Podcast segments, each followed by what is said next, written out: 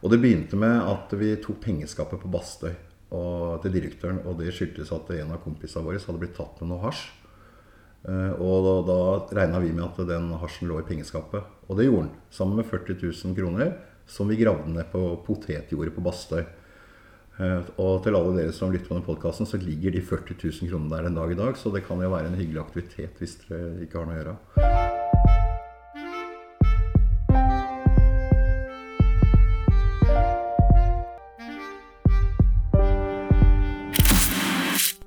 Jeg heter Kenneth Lemik, og jeg reiser i denne podkasten rundt og drikker kaffe med noen av Norges verste skurker. I denne episoden reiser jeg til Halden for å møte Trond Henriksen. På 90-tallet ble mannen omtalt av landets aviser som Norges farligste, og var med på å kidnappe en politimann og en båtvakt i Horten. Trond bor nå i Halden, men er innerst inne en Oslo-gutt. Og, og, der vokste jeg opp i, i ganske vanskelige omgivelser. Eh, arv og miljø har nok betydd mye for mitt liv. Eh, for jeg havna et sted som ble kalt for negerlandsbyen, uten at det bodde en eneste fyr fra Afrika der. Mm.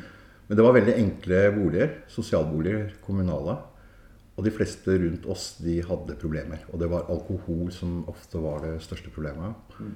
Så jeg vokste opp med naboen som skulle drepe kona si nesten hver eneste kveld. Og det gjorde at jeg blei en ganske urolig fyr. Eh, blei litt sånn klassens klovn som eh, begynte å strekke strikken lenger for hver gang. da. Så jeg var en ganske urolig fyr og vokste opp med gærne naboer som viste pornofilmer til 8-9-10-åringer. ikke sant? Det var veldig spesielt nabolag, for å si det rett ut. Med mye alkohol, da. Mye rus. Det som skjedde på skolen altså Selv om jeg var litt klassens klovn, sånn, så, så funka det på skolen. da. Eh, men så datt jeg plutselig ut av engelsktimen, og det skyldtes at jeg ble sjuk og var borte fra skolen i fire måneder. Fikk noe som het knuterosen, en sånn tuberkuloseaktig sykdom. Og når jeg kom tilbake til klassen, så hadde de begynt med engelsk. Og jeg skjønte ikke en dritt av hva de drev med. Mm. Og da blei jeg redd. Tenkte at hvis jeg begynte å skulke engelsken, så er det ingen som ser at jeg er dårlig i det heller. Det var faktisk sånn jeg tenkte den gangen. Mm. Og så tenkte jeg at hvis jeg skulker engelsktimene så, og, Men problemet var at jeg kunne ikke ha to timer norsk og så skulke engelsken og så matte igjen. Så de dagene hadde engelsk, så skulka jeg hele dagene. Og da, og da dro jeg til byen. Kunne jo ikke være hjemme eller på skolen. Og i byen så fant jeg et miljø på, på Østbanen, på trappene eh, til Østbanen. Eh, der var det mange andre ungdommer på min alder og yngre som hadde falt ut av skolen, eller var vold i hjemmet. Det var så mange grunner til at de hadde falt ut, da, men vi fant hverandre der, da. Eh, og der begynte jeg å prøve hasj. Jeg hadde en sinnssyk lidenskap for biler, så vi begynte jo å stjele biler allerede i tolvårsalderen. Eh, og før jeg var 14 år, eh, så hadde jeg stjålet ganske mange biler. Eh, og den gangen så var den kriminelle lavalderen 14 år. Nå er den 15. Og når jeg var tre uker over 14-årsdagen, så hadde jeg stjålet 45 biler på de, 14 dagene, nei, på de 21 dagene. Og det syntes han politimannen var ekstremt ille, så, så de varetektsfengsla meg i seks dager. Og det er ikke mye når du har sittet 13 år av livet ditt i fengsel, så er ikke seks dager mye. Men jeg husker det utrolig godt. For uh, jeg husker hvor redd jeg var når jeg kom i fengsel første gangen. Fordi man hadde jo forestillinger om at uh, nå ville du bli voldtatt. At jeg var jo bare barn. 14 år gammel. Så jeg tenkte at jeg er sånn lammekjøtt som kommer til å gå på rundgang rundt på cellene. Da. Det var jeg helt sikker på. Uh, så det var en ganske heftig opplevelse første gangen jeg kom i fengsel. Men så blei jeg tatt vare på da, av de eldre. ikke sant, Blei maskot. Og, og fengsel blei en videregående skole i kriminalitet. Det er klart det blei det. Folk eh, må ikke tro at man sitter på cella til hverandre og deler ut eh, glansbilder. Altså Fengsel handler ofte om å skryte av hvor jævlig flink du har vært. da. Selv om du har blitt tatt og fått mange år i fengsel, så har du vært jævlig flink. Så man lærer mye av å sitte i fengsel. Så mye av ungdomstida mi var jo å gå ut og inn av fengsel. Eh, men i begynnelsen så var det ikke noe dop og det som var viktig for meg. Det var å, å kjøre bil og være klin gæren. Eh, det var det som ga status i gjengen. I ung alder var Trond ut og inn av fengsel. Til nå hadde det vært mindre saker som hadde fått han inn på cella, men snart skulle han gjøre langt mer alvorlige ting, og ble kjapt stemplet som Norges farligste i landets aviser. Og det å bli stempla som Norges farligste mann øh, syns jeg personlig er eh, veldig urettferdig. Eh, og, de, og, den som har betalt aller mest for det stempelet, er faktisk min egen mor. Mm. Som ikke orket å kjøpe aviser etter at hun så sønnen sin på forsida av avisen eller Dagsrevyen. Men på slutten av 80-åra så hadde jeg gått ut og inn av fengsel. Og i 1986 var jeg Norges mest arresterte mann. Det syns jeg er egentlig ikke noe særlig kred, men det er fakta. Så du kan bare tenke deg hvor aktiv jeg var. Jeg var veldig, veldig aktiv. Skulle utredes for MBD eller ADHD som det heter i dag, men jeg syns jo det var bare tull. Det var ikke noe gærent med hjernen min, ifølge meg selv. Jeg var veldig ekstrem og hadde veldig lite grenser. Uh, i 1988 så havner jeg på Bastøy og skal sone egentlig ganske kort om. Uh, seks måneder skal jeg sone. Uh, men det ingen visste den gangen, det var at det tok ti år før jeg ble løslatt. Ti år. Og det begynte med at vi tok pengeskapet på Bastøy og, til direktøren. Og det skyldtes at en av kompisene våre hadde blitt tatt med noe hasj. Eh, og da, da regna vi med at den hasjen lå i pengeskapet. Og det gjorde den. Sammen med 40 000 kroner som vi gravde ned på potetjordet på Bastøy. Eh, og til alle dere som lytter på den podkasten, så ligger de 40 000 kronene der en dag i dag. Så det kan jo være en hyggelig aktivitet hvis dere ikke har noe å gjøre. Eh, men vi ble tatt for det uten at jeg ble dømt for det. Så ble jeg sendt bort, da. Ble jeg sendt til Oslo, og så rømte et par kompiser og jeg. Tenkte at nå skulle vi starte et bedre liv i Portugal, og da tenkte vi raske penger. Og raske penger får man i banken. Og han ene av kompisene han hadde jo rana banker før og var like gæren, for å si det rett ut. Han likte å skyte litt i taket. Så vi bestemte oss for å bruke leketøyspistoler. Så vi rana Kverne postkontor, og det var et veldig stort ran. Det var den gangen Norges største postran, faktisk. Eh, og vi stakk jo til Danmark og ble tatt der. Og kom tilbake, og jeg fikk veldig mange år for det ranet der. Eh, jeg fikk sju og et halvt års fengsel og havna på Ullersmo. Ehm, og der rømte jeg etter noen år, da, sammen med Morten. Eh, hvor vi var 100 dager på rømmen og gjorde Det, var, det er det sjukt. Hvordan klarte dere å rømme? Det var, vi faktisk, vi fikk uteblei fra en permisjon. Vi var egentlig godt i gang, og så var det tilfeldigheten igjen som gjorde at vi møtte hverandre utenfor politihuset en mai-dag for, uh, for, i 1991. og så bestemte vi oss for å bli ute den sommeren. Egentlig ikke å gjøre noe gærent, bare være ute. Det var så fett vær å sitte mange år inne. Vi og det er mange fanger som gjør det. Som liksom uteblir en sommer, og så tar de igjen heller det i soninga seinere. Kunsten er selvfølgelig ikke å finne på noe falskap. Eh, men det gjorde jo vi, da. Så det ble et nytt ran, og så ble det en reise i 100 dager med, med veldig mye amfetamin og, og mange sjuke historier. Og, og, det eskalerte da eh, denne kvelden i Horten. Hvor vi egentlig skulle i båten vår og, og sove, og så kommer det to menn hoppende ut av buskaset klokka to på natta. Uh, og jeg tror at uh, han fyren skal slå meg ned. Så jeg trekker en gammel luger jeg har på meg da, og ber ham legge seg ned. Og så viser det seg at det er lommelykta, en sånn, meg, sånn Maglite han har. da. Eh, så sier han jeg er en politimann, og da skjønner jo jeg at jeg har dritt på draget. Altså Når du ber en politimann legge seg med pistolen. Og så hadde vi en kilo hasj i lomma ikke sant, og flere hundre tusen. Så så vi tok politibilen og kjørte lensmannen og han, han politimannen og han eh, båtvakta opp i Hvittingfoss. Og jeg har aldri, vil aldri påstå å si at jeg er, har vært en voldsom fyr i livet mitt. Og, og, det var jævlig ubehagelig, dette her. Eh, og ikke kunne vi binde dem opp i skogen der heller, for vi tenkte kanskje ingen finner dem. Så vi slapp dem løs opp på en sånn fjelltopp, da, og så ville de bruke ca. en time til nærmeste, nærmeste folk. Jeg husker jeg til og med ga en politimann en hundrelapp i til taxi midt oppå på fjellet der. Så stuka huet var vet, på amfetamin. Det var gått 100 da på amfetamin. Det var helt sinnssykt.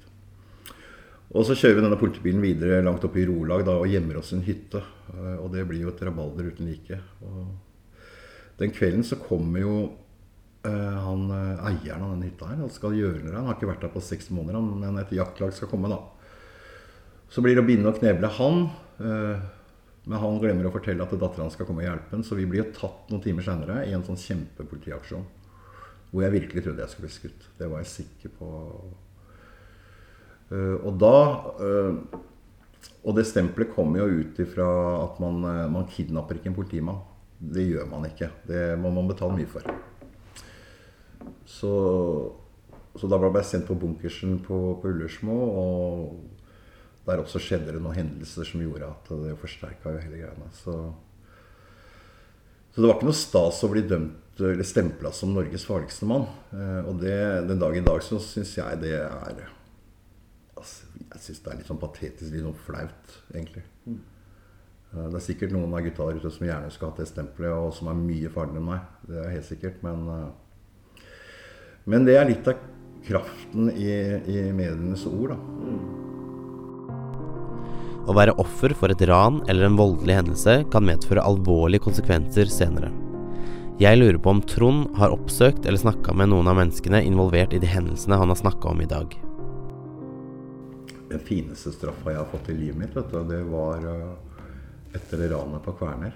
To år seinere så får jeg en telefon fra en, eh, en av etterforskerne i saken. Som spør om jeg kan snakke med en av postfunksjonærene. Fordi hun har vært sykemeldt i to år. Så tenkte jeg hæ? Sykemeldt i to år? Vi brukte leketøyspistoler. Eh, tenkte ikke så mye på at det, det var det samme for henne. Hun var jo like redd. For uh, hver kveld da, så gikk hun og lukka hengslene på vinduet og og så en fyr ute i hagen sin med finlandshette og noen stikkende øyne. Så hun hadde en ganske ødelagt hverdag. Og det sa jeg ja til. Jeg tenkte at jeg, jeg kan sikkert snakke med henne uten at jeg egentlig la så veldig mye i det. Og så kommer hun opp på Ullersmo når jeg sitter der da, i besøksavdelingen en uke etterpå. Og så kommer hun, og så ser hun meg, så løper hun mot meg og hiver seg rundt halsen. Og så skriker hun 'Det er dine øyne jeg ser. Det er dine øyne jeg ser'. Uh, og så slipper hun meg, og så går hun bare. Aldri sett henne før seinere. Men det møtet der sånn, eh, det satte i gang en sånn prosess i meg. At jeg virkelig kunne ødelegge et annet menneske så mye. Eh, for det ville man jo ikke. Det var jo derfor vi brukte elektrisk Vi, vi, så det bare ikke sånn. Vi var jo ja, altså I dag så vil jeg si at jeg sjøl var jo hjerneskada omtrent på den tida der. Det var jo bare full fart som gjaldt. Eh, men det var en fin straff. Å kunne få lov å møte offeret sitt på den måten. Eh, fordi hun ville det. Så det gjorde at eh, det var, Den var egentlig ganske viktig for at jeg tok noen sånne viktige avgjørelser seinere i livet mitt. det der. Så, så, det å, å At man kan få møte ofrene sine hvis ofrene vil, det tror jeg er en, en god kriminalpolitikk. Mm. 'Store gutter gråter ikke' er en dokumentarfilm fra 1995 som ble vist på NRK. Den handler om åtte gutter i Oslo kretsfengsel som skal gjennom et rehabiliteringsprosjekt. I denne serien har Trond en veldig sentral rolle. Årene etter seriens suksess går ting veldig bra for Trond. Men så skjer det noe som får han enda mer på kjøret enn noen gang. Etter filmen 'Store gutter gråter ikke', eh, som satt limet litt på huet, for å si det sånn. For det Eh, det var jo en dokumentarfilm som ble veldig godt tatt imot. ikke sant? Med terningkast 6 og 100 000 sånn på kino, og så gikk den på NRK. Eh, så det var mye ståhei rundt eh, meg som person, fordi jeg hadde en ganske fremtredende rolle i den dokumentaren. Mm. Ganske ufrivillig. Men det skjedde jo ting som gjorde at det ble ganske naturlig, da. Blant annet så blei jo kameraten min Morten skutt og drept de første dagene mens jeg var der, av politiet. Og nettopp fordi vi hadde vært stempla som Norges farligste. Og jeg har tenkt mange ganger på at jeg kunne også ha vært der med Morten. Eh, så det er liksom tilfeldighetene Litt sånn, litt sånn tilfeldigheter at jeg valgte å, å gå i behandling. Og, og 'Store gutter gråter ikke' viser jo eh, et ganske fint prosjekt. Kanskje det viktigste prosjektet som er innført i kriminalomsorgen. Nemlig det å behandle fanger mens de sitter inne. Mm. Eh, som vi aldri hadde gjort før. Eh, da er det jo å bli løslatt med den svarte sekken og 300 kroner i lomma, så må du klare deg sjæl. Og det skjønte vi at det funka ikke. Det funker jo ikke sånn. Så det prosjektet her, det, det sa jo jeg ja til, bl.a. etter å snakka med hun dama på Ullersmo, ikke sant? Eh, postfunksjonæren. Så tenkte jeg at ok, Trond, du er narkoman, og du trenger hjelp. Veldig to viktige innrømmelser i livet mitt. da. Kanskje det viktigste. Så da søkte jeg meg på, på stifinneren. Visste ingenting om behandling i hele tatt. Og det blei ganske mye ståhei da eh, rundt. Det er vanskelig å gjøre noe med livet sitt. De filma det, og de var flinke. Vi så det jo nesten ikke. Så det blei en dokumentarfilm som eh, blei veldig populær. Og det gjorde jo at eh, at etter alle årene eh, plutselig så heia folk på deg. da.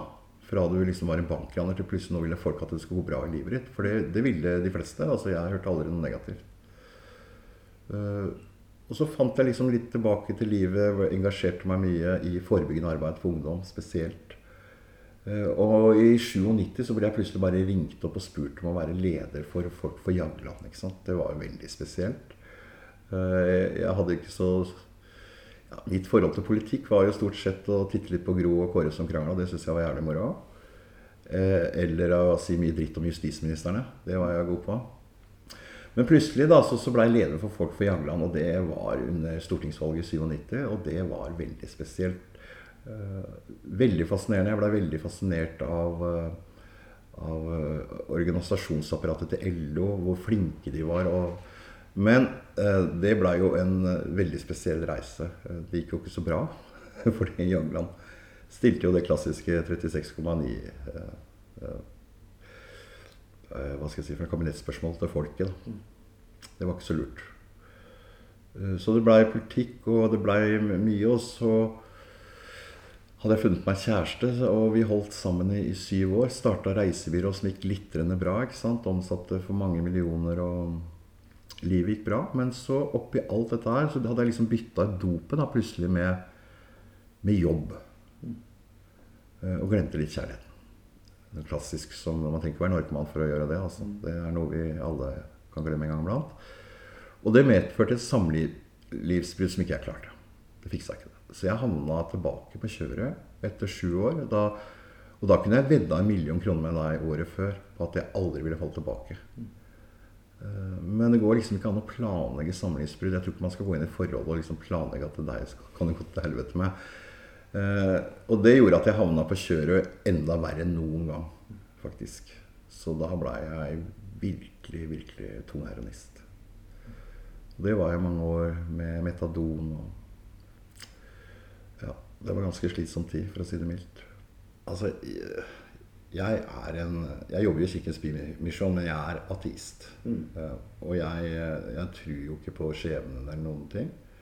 Uh, men jeg mener jo at heroin er djevelens verk. Mm. Altså jeg, bruke, jeg, har lyst til å bruke sånn benevnelse for fordi det er et fantastisk stoff. Og den viktigste grunnen til at man ikke skal prøve heroin, det er fordi at man uh, med stor sannsynlighet kan bli glad i det. Mm. Veldig glad i det. Mm. Og, og, det er en sånn avhengighet som jeg tror Eh, kanskje en alkoholiker er det nærmeste til å forstå. Og da snakker jeg med en veldig tung alkoholiker for alkohol og heroin. De har ganske like abstinenser når de først går, ikke får noe. Eh, så, så det er et heftig rusmiddel eh, som tar bort alt av verdighet i deg selv. Det tar bort alt som har med moral å gjøre. Altså, det er et helt sinnssykt stoff. Uh, og så blir du så avhengig av det, og så er uh, hele hverdagen din dreier seg om det. Og det som narkomane ofte glemmer, vet du, det er at uh, altså, vi narkomane har vært så jævlig redd for å leve et A4-liv. Men faktum er at det er vi narkomane som lever et A4-liv. Det er vi som må stå opp om morgenen, ha dop, ordne penger. Ordne dop, ordne penger. Det er det vi gjør hele dagen. Så det er jo narkomane som lever et A4-liv. Og det, har, det, tok meg 50 år å skjønne, faktisk. Så det, jeg skal ikke si at jeg er så stolt av det. Eh, men det var en eh, utrolig brutal greie å gå i den rusen der. Og du drar deg ned på et nivå som, eh, som er veldig skamfullt, egentlig å snakke om i hele tatt.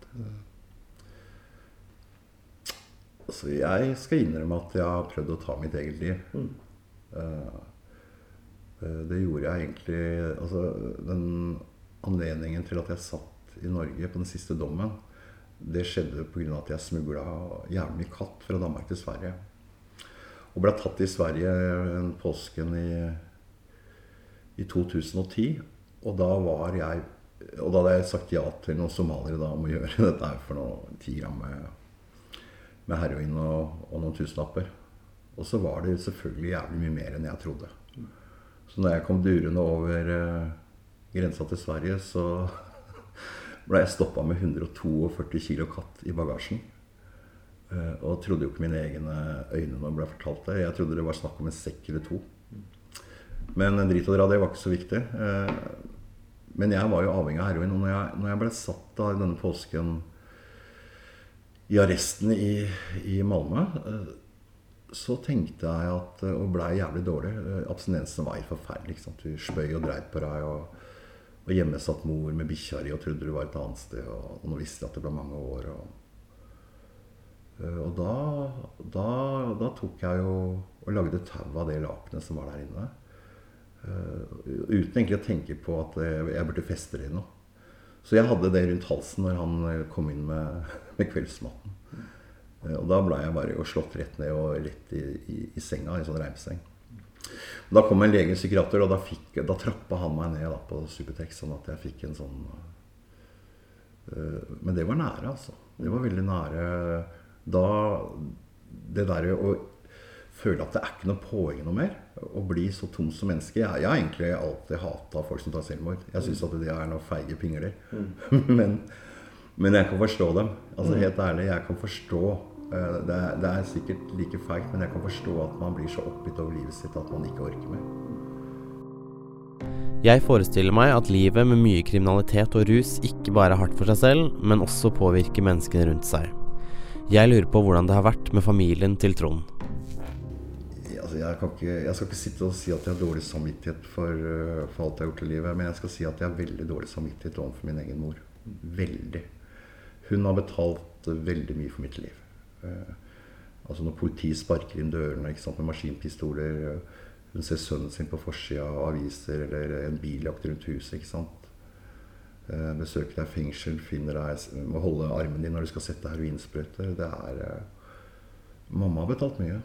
Mm, så og det er jo ikke noe unaturlig i kjølvannet til en rusmisbruker. Så er det veldig mange pårørende, ikke bare mamma og pappa, med søsken og brødre og ja, veldig mange som får ødelagt livet sitt egentlig pga. de valga jeg har gjort, eller man gjør.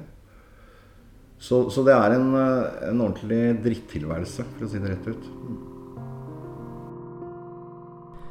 I 2016 gir Trond ut selvbiografien 'Ingen murer er for høye'. Hvordan er det egentlig å grave i og skrive om de mest krevende stundene i sitt liv? Og har Trond en historie han er ekstra fornøyd med? At den boka, det var en eh, Altså, det, jeg brukte fire år på å skjønne hvordan jeg skulle skrive boka. Det var eh, Det var mange runder med meg selv. Veldig lærerike runder hvor jeg visste at eh, min historie ville utgjøre en forskjell. Det var viktigste grunn til å skrive den. At det sitter mennesker der ute i dag som jobber med mennesker med den bakgrunnen jeg har hatt. Og de mekanismene som gjaldt i min barndom, de er de samme som i dag. De er litt andre sånn, tid, men det er de samme mekanismene. Eh, og det derre å skulle være ærlig, da Eh, For det er jo ting i den boka der som jeg, som jeg, trodde jeg skulle dø med. Som jeg var sikker på at jeg skulle dø med. Eh, og det handla bl.a. om det der å bli seksuelt misbrukt som barn. Eh, som han hadde holdt hemmelig, som, var, eh, som gjorde at jeg blei en mye mer ekstrem fyr. Og derfor var det viktig å fortelle det. Ikke fordi at eh, det var noen unnskyldning for noe som helst, men, men en årsak til at jeg blei en mer aggressiv fyr.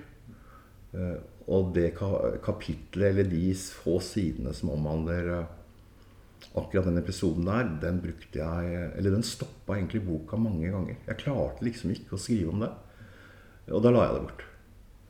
Så det var faktisk redaktøren min i radioen som sa at begynn å skrive om det som er kult først. Og det gjorde jeg. Så det som er i begynnelsen av boka, er faktisk det siste jeg skrev.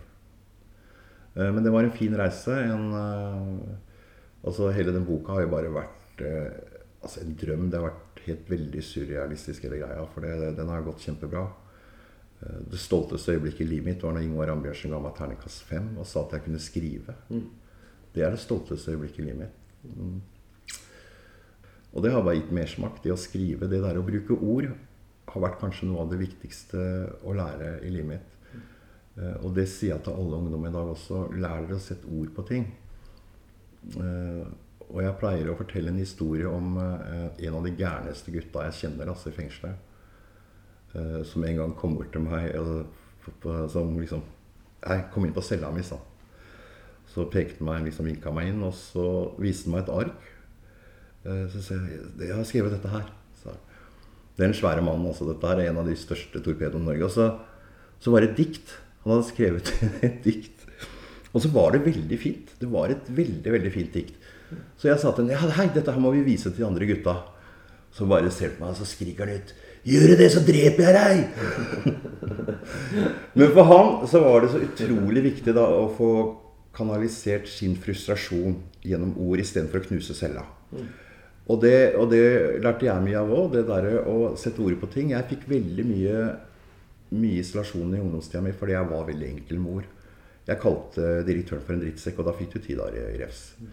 Så det var læreren min som sa at du må lære deg å kalle direktøren drittsekk på fem forskjellige måter uten å bruke ordet drittsekk. Sånn var det jeg lærte å, å begynne, begynne, med ord, faktisk. Uh, så det er jeg veldig glad i å bruke den dag i dag òg. Uh, uh, og Ingvar Ambjørnsen sa at partier i boka er jo kriminelt morsomme. Mm. Og jeg tror han refererer til det partiene som handler om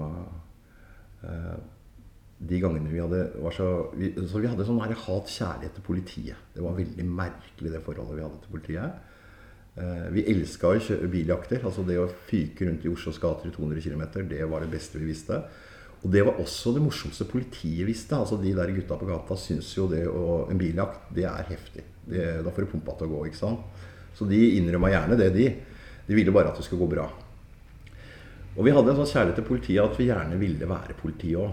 Og, jeg husker jo den gangen vi stal politiuniformer på, på, på renseriet i Åkerbergveien. Eh, og skulle dra på patruljejakt eh, og stoppe biler og kontrollere biler opp mot Hamar. Så vi rappa en Granada og blålys som Kodiak-lampe til brannvesenet i byen, og så kjørte vi rundt. Og røyka hasj og, røyka hasj og stoppa biler.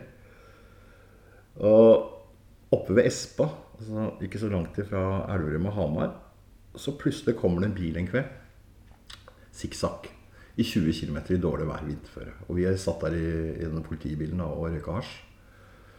Og han som kom der, var mer rusa enn oss. Uh, og når jeg stoppa han, da, uh, så lukta det jo at han hadde drikket. ikke sant? Han hadde drukket sikkert uh, halvparten av hjemmerenten i Elverum. Så han var jævlig drita. og jeg visste jo ikke hva jeg skulle gjøre med han fyren. vi, hadde, vi var jo ikke en ekte politifolk. Så når jeg kommer tilbake fra de andre gutta for å liksom levere førerkortet, og sånn, så går jeg på ræva. vet du. Det, er jo vinter. Og så går jeg på ræva, og, og, og, beina mine bare liksom kommer opp ved vinduet hans. Og da, når han ser de gule joggeskoa, altså politiuniform med gule joggesko, så skjønner jo han at det er noe gærent. Han hadde aldri sett en politimann i gule joggesko, og det tror jeg ingen har sett en dag i dag. Så da stakk jo han bare av. ikke sant? Bare kjørte av gårde Eh, så vi ble tatt noen dager etterpå, da. Og jeg husker jo den tegningen til Finn Graff i Dagbladet enda. Eh, hvor jeg ble dømt, da selv dommeren lo i retten da, av den historien der. Så det har vært noen sånne morsomme historier òg. Eh, men ofte har sånne morsomme historier fått egentlig veldig store konsekvenser. Akkurat sånn som det med Bastøy og pengeskapet der. Når du går inn og soner seks måneder, så tar det ti år før du blir fri.